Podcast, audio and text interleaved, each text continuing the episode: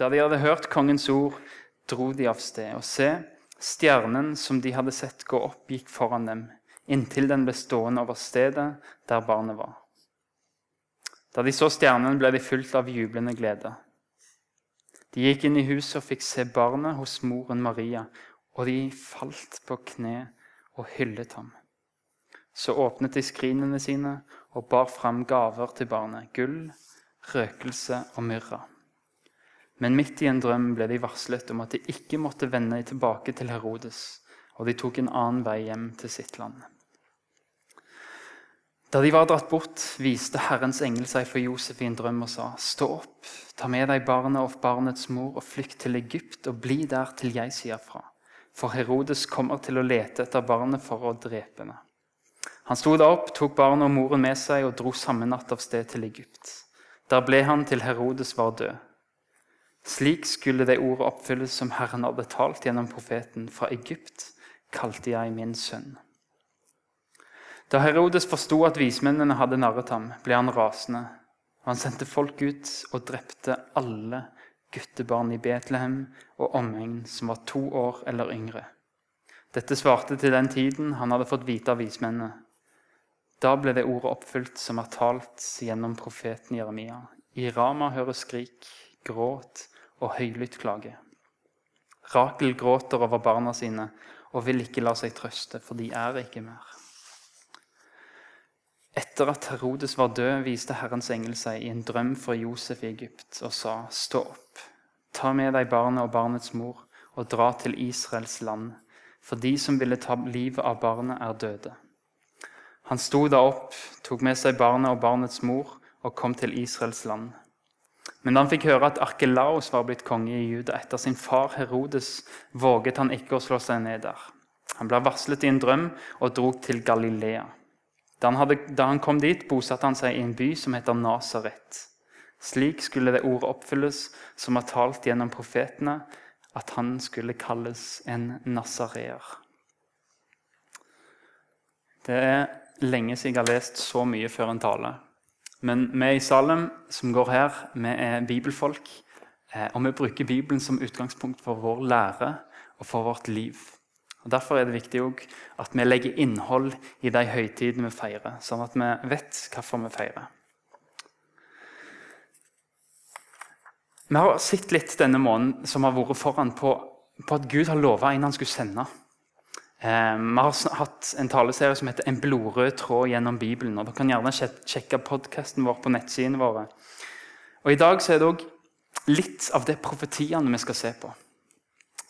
Og Jeg vet ikke om dere har en følelse av og til av at Gud har surra seg inn i et nett og på en måte lovt litt for mye, og så står han helt fast, og så lurer det på hvordan eh, hvordan skal Bibelen løse dette? Liksom? Hvordan skal Gud komme seg ut av dette nettet nå? Og Sånn er det litt hvis vi ikke hadde hatt Matteus kapittel 1 og kapittel 2. så hadde det vært litt sånn, Hvordan skal Gud komme seg ut av dette? Fordi Mika, en profet, han sier at Messias skal være fra Betlehem. Og så har du Jesaja.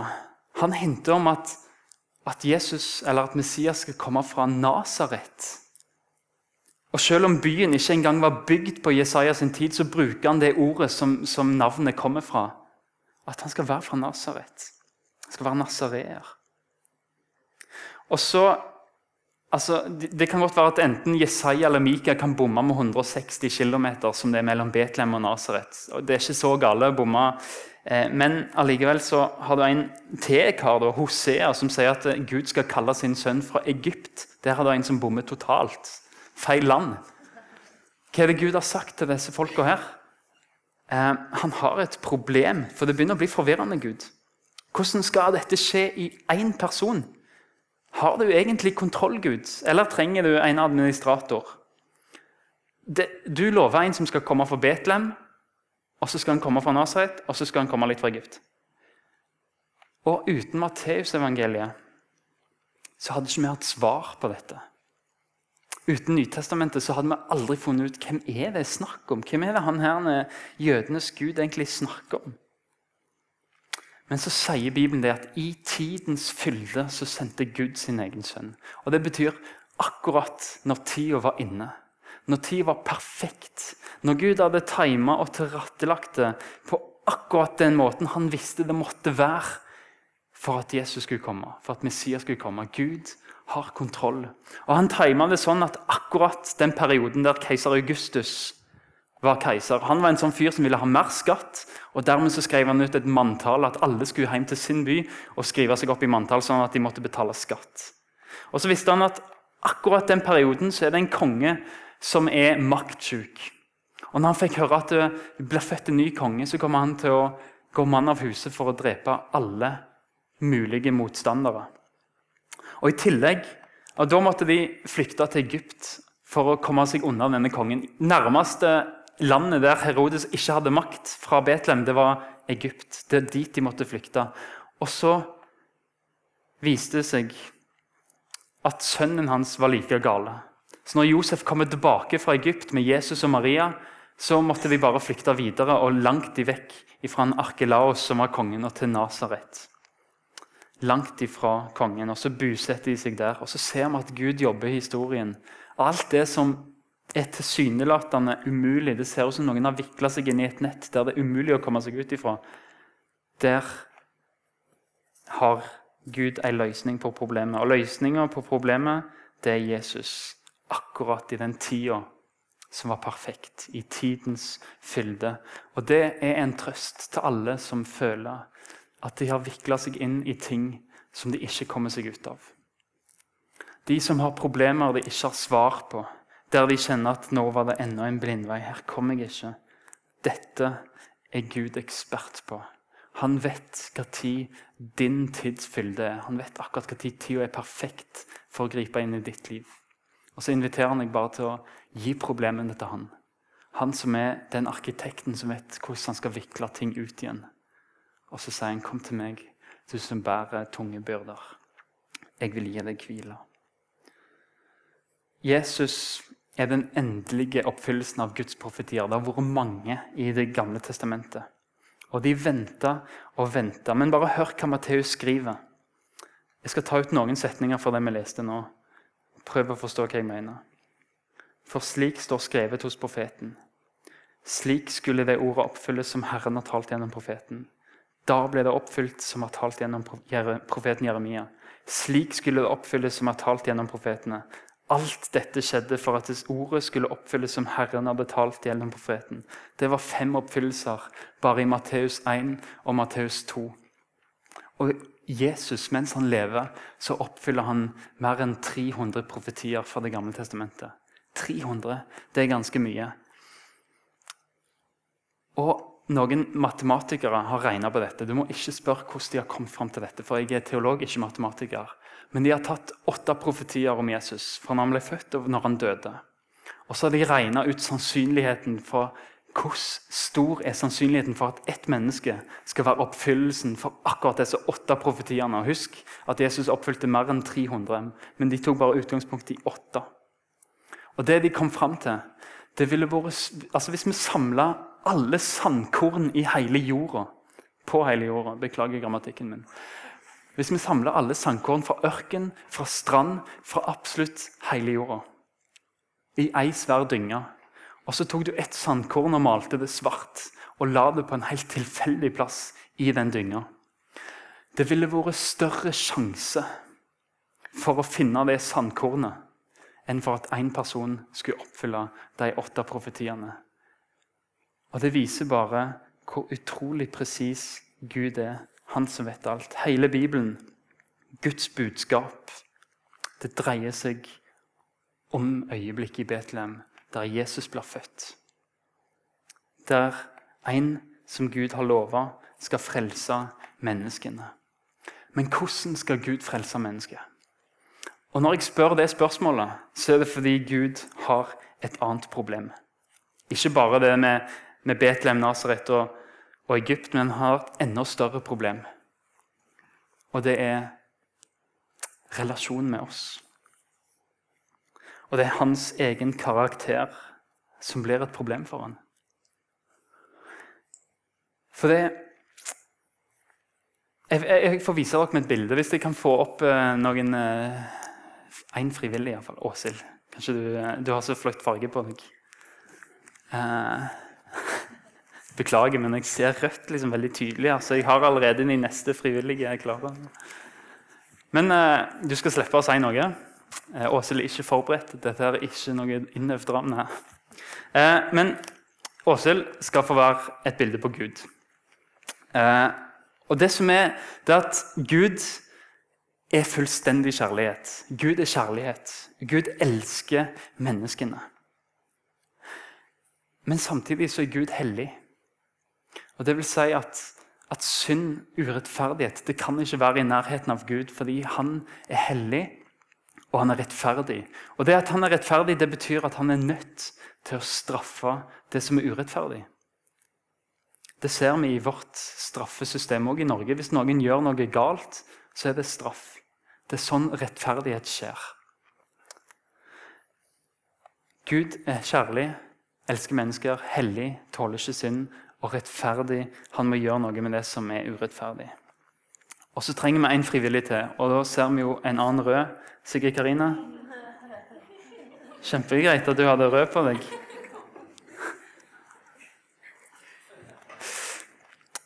Sigrid Karina skal få være eh, et juletre. Eh, nei, du skal få være bilde på mennesket. Eh, og det som er greit, det passer veldig fint at du stiller deg der. Eh, og Som menneske så er sikkert Karina elska av Gud. Fordi Gud er kjærlighet. Gud elsker menneskene. Eh, samtidig så er det sånn at Gud skapte mennesket, så var mennesket en perfekt skapning. Gud sa det var overmåte godt. Det var mye bedre enn alt det andre som han hadde skapt. Eh, og Det som gjorde Edens hage til paradis, det var at menneskene og Gud de kunne ha en relasjon. De vandra sammen, de snakka sammen. Og det var det menneskene var skapt til. Å ha en relasjon med Gud. Eh, men Adam og Eva de valgte å vende Gud ryggen. De åt av frukta, og det var ikke lov. Gud hadde sagt du skal ikke ete av treet om kunnskap til godt og vondt. Og I stedet for å være i den relasjonen og for å stole på Gud og ha Gud som herre, så vendte de ryggen til Gud, og så erstatter de Gud med sin egen vilje. 'Dette vil jeg gjøre. Dette er rett for meg.' Eh, de gjorde imot Guds bud. og Dermed ble det sådd et frø i de som gjorde at synd, at lidelse og død kom inn i verden.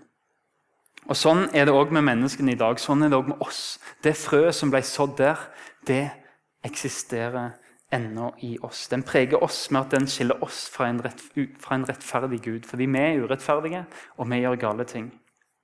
Og i dette frøet, synd i oss, det bærer frukt som gjør at vi ikke kan være i relasjon med en hellig Gud. Og Det står i Galaterbrevet at kjødets frukt det er hor, det er umoral, det er utskeielser, avgudsdyrkelse, trolldom Driver du med trolldom? Nei.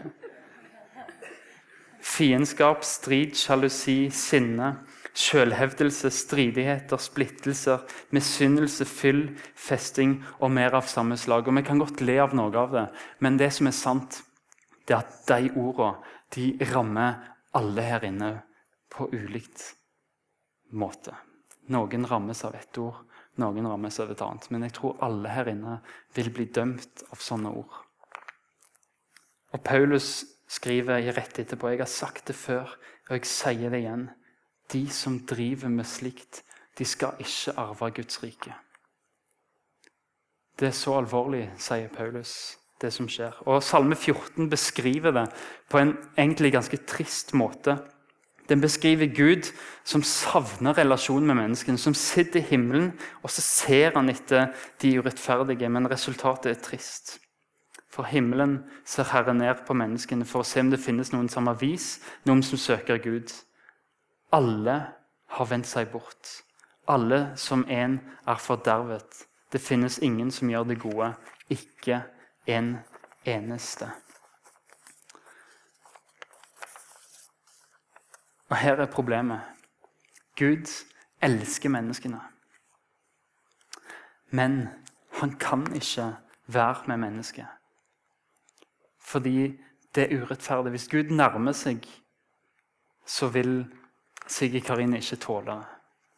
Fordi Gud er nødt til å straffe det som er urettferdig. Det er hans natur. Og hvordan vil Gud løse dette problemet? En relasjon han så gjerne vil være med mennesker, men vi som har vendt ryggen til, og som ikke tåler Guds hellighet. Og I stad var løsninga på problemet Jesus. Og det er det alltid i problemer som faktisk betyr noe. Og det er der Håvard kom inn. Det er de tre med rød på seg i hele salen. Men det passet bra at det var Du kan komme opp. For nå skal vi beskrive Jesus. Og du kan stå her sammen med Åshild slash Gud. Eh, og Jesus han er Guds sønn. Han hører hjemme her. Fordi han, han er Guds sønn. Hans heim det er sammen med Gud. Eh, og så gjorde Gud noe i jula.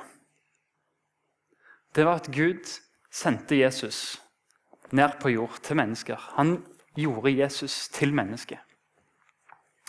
Og så levde han et feilfritt liv. Han levde helt syndfritt. Og så sa han at den som tror på meg, skal få bli Guds barn. Og det han sier, er at når du tror på meg, så skal vi bytte plass. Da skal du få bli Guds barn. Da skal Sigrid Karine få komme bort til Gud. Eh, for tro, det er å bytte plass med Jesus og stole på at han gjør resten. Og hvis dere spør nå, hvem er det nå som er Guds barn? Nå er det Sigrid Karina som er i den situasjonen der hun er med Gud, har fortjent det. Og hvem er det nå som straffes for synd? Det er Jesus som bytter plass. Nå tar han Sigrid Karine sin plass. Jesus tok vår plass for vår skyld. Og Sånn er Guds kjærlighet, Guds rettferdighet og Guds hellighet på en gang blitt oppfylt. Svaret på Guds problem det er Jesus, og så roper han det ut til alle som vil høre i jula. Og Englene på marka i Betlehem de var lavest på rangstigen, og så kommer engelen til dem. Og så sier han, 'Frykt ikke, for jeg forkynner en stor glede for hele folket.' I dag er det født en frelser i Davids by. Han er Messias, Herren. Og dette skal dere ha til tegn. Dere skal finne et barn som har svøpt og ligger i en krybbe. Ære være Gud i det høyeste, og fred på jorden blant mennesker Gud har glede i. Det er født dere en frelser. Gud har sendt Jesus til jord fordi at han skal ta vår straff. Han skal bli skilt ifra Gud. Og så får vi bytte plass med han i tro. Eh, hun skal føde en sønn, og du skal gi navnet Jesus. Jeshua på, arabisk, nei, på hebraisk. Gud frelse. Han skal frelse folk fra deres synder. Og det er det jula er. Yes, Gud sender sin sønn til jord, sånn at vi i tro kan få bytte plass på han. Sånn at vi blir hans barn. At vi får rett på en plass i himmelen, og han tar vår straff. Han blir skilt fra Gud for vår skyld. Vi skal gi en takk til de frivillige. Jeg kan godt klappe. Ekstra klapp for eh, julegenseren til Sigrid Karina. Jesus markerer et skille. Vi kjenner fra vår egen tidsregning vi har før Kristus og vi har etter Kristus. De som kanskje er ikke så veldig glad i kristendommen, vil si før vår tidsregning og etter vår tidsregning. Og Hvis du spør dem når vår tidsregning begynner, så svarer de når Jesus ble født. Så det er egentlig det samme. Men ikke bare i historien er Jesus et vannskille, men òg i Bibelen. For hele tida før så har Gamle Testamentet pekt fram mot Jesus og sagt det skal komme en som skal frelse menneskene. Men når Jesus blir født, så snur alt seg. Fordi det er sånn at De som skriver Bibelen etter Jesus, de peker ikke lenger framover, de peker tilbake. Så sier de han er kommet, og du kan ha en relasjon med han. Peter han skrev etter at Jesus ble født. Han skriver det finnes ikke frelse i noen annen. For under himmelen og under himlene er det ikke gitt menneskene noe annet navn som vi kan bli frelst med. Tenk Det det finnes ikke frelse i noen annen. Det er kun gjennom Jesus. Han er den som Gud har satt til dommer over levende og døde. Om han vitner alle profetene og sier at alle som tror på han skal få tilgivelse for syndene ved hans navn. Dere vet at det ikke var med forgjengelige ting som sølv eller gull dere ble kjøpt fri fra det tomme livet dere overtok fra fedrene. Det var med Kristi dyrebare blod, blod av et lam uten feil og lyte. Han var bestemt til dette før verdens grunnvoll ble lagt. Og for deres skyld har han blitt åpenbart ved tidenes ende. Ved ham er dere kommet til tro på Gud, som reiste Kristus opp fra de døde og ga ham herlighet. Derfor er deres tro også håp til Gud. For Kristus led for synder en gang for alle. Den rettferdige for urettferdige, for å føre dere fram til Gud. Og Paulus skriver etter at Jesus var født. og Han også skriver alle har synder og mangler Guds herlighet. Men ufortjent og av Hans nåde blir de kjent rettferdige. Frikjøpt i Kristus Jesus. Ham har Gud stilt synlig fram for at ham ved sitt blod skulle være soningsstedet for den som tror. Slik viste Gud sin rettferdighet. Og så kommer det uttrykket igjen. Men i tidens fylde, akkurat i perfekt timing, sendte Gud sin sønn født av en kvinne og født under loven. Han skulle kjøpe fri dem som sto under loven, så vi kunne få retten til å være Guds barn. Og Johannes skriver, og dere vet at han åpenbarte seg for å bære bort våre synder, og i ham finnes ingen synd. Og så ser vi at Hele Gamle testamentet det peker fram på at det skal komme inn. Og hele Nytestamentet det peker tilbake på Jesus og sier det. Han er det. Han er frelseren. Han skal bære bort alt. Han er den eneste, han som Gud skulle sende helt fra begynnelsen av. Og så er han kommet sånn at du kan bli kjent med han. Så markerer Jesus et skille i tidsregninga vår. Så markerer Jesus et skille i Bibelen. Og det tredje skillet Jesus skal markere. Og det er i livet til oss som er kristne. Jesu fødsel delte historien i to. Før Kristus, etter Kristus. Og det skal være det samme i våre liv. Han skal dele ditt liv i to. Før Kristus og etter Kristus. Når du møter Jesus, så er det et så definerende punkt i ditt liv at alt blir annerledes. Relasjoner, væremåte, ting du sier, ting du gjør, ting du tenker. Ditt liv skal deles i to. Før du møtte Jesus, og du sjøl var herre i livet ditt, og etter du møtte Jesus, når han fikk være frelser og Herre i ditt liv. Jesus kom for å endre ting. Kom for å skape noe nytt i deg. Og Det står i 2. Korinterbrev 5, 17. Nei, den som er i Kristus, er en ny skapning. Det gamle er borte. Se, det nye er blitt til. Det er en radikal etterfølgelse å bli kristen. Han har frelst deg, og det er en grunnvoll som er spikra fast til evig tid. Uansett om vi står og vi faller eller mislykkes av og til i kristenlivet, så er vi fortsatt frelst i tro. Og det kan ingen endre. Men han vil òg etter det forvandle deg med sitt ord. Les i Bibelen og se hva han vil gjøre med deg. Han vil ikke lenger at du skal bære syndens frukt, som jeg leste i stad. Men han vil at du skal bære åndens frukt, som er kjærlighet, glede, fred, overbærenhet, vennlighet, godhet, trofasthet, Ydmykhet og selvbeherskelse. Slike ting rammes ikke, rammes ikke, av loven. De som hører Kristus til, har korsfestet kjøttet med dets lidenskaper og begjær. Lever vi ved Ånden, så la oss også vandre i Ånden. La oss ikke være drevet av tom ærgjerrighet, så vi utfordrer og misunner oss, misunner hverandre. Det er hans frukt som vokser inni oss og skaper en sånn etter Kristus-tilværelse der noe nytt kommer til. Og Så sier Jesus av og til at noen bærer frukt, men jeg må rense det noen ganger, sånn at det bærer mer frukt.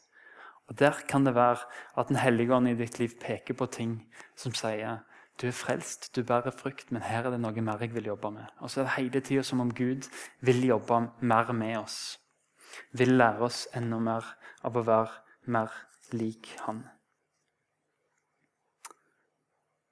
Det er ett ord Jesus sier til Josef, som er viktig å få med seg fra Matteus 1. Han sier Han, hun, altså Maria, skal føde en sønn, og du skal gi navnet Jesus. Det betyr Gud frelser, for han skal frelse sitt folk fra deres synder. Han skal hete Jesus, for han skal frelse sitt folk. Og Hvis han skal frelse deg, så er du nødt til å tilhøre han. Du er nødt til å være hans. Og Hvordan kan vi bli det? Det sier Jesus. Han gir oss svaret sjøl. For alle de som tok imot meg. De ga jeg rett til å bli Guds barn, de som tror på mitt navn. Og Så skriver Paulus for dere alle Guds barn ved troen på Kristus Jesus. Han skal frelse sitt folk. Og så gjør han det gjennom tro. Du skal få bekjenne og få tro på han. Og det er ikke så viktig hvor stor troen din er. Noen har en stor tro. Noen har en bitte, bitte liten tro. Men det viktigste er han du tror på. Det er han som er stor. Det, det kommer ikke an på hvor stor troa di er, men på om han som du tror på. Og Du kan ha tro som et lite sennepsfrø på en Gud som er så uendelig stor. Eller du kan ha tro som en vannmelon på den samme guden. Men resultatet er det samme. Det er at han frelser.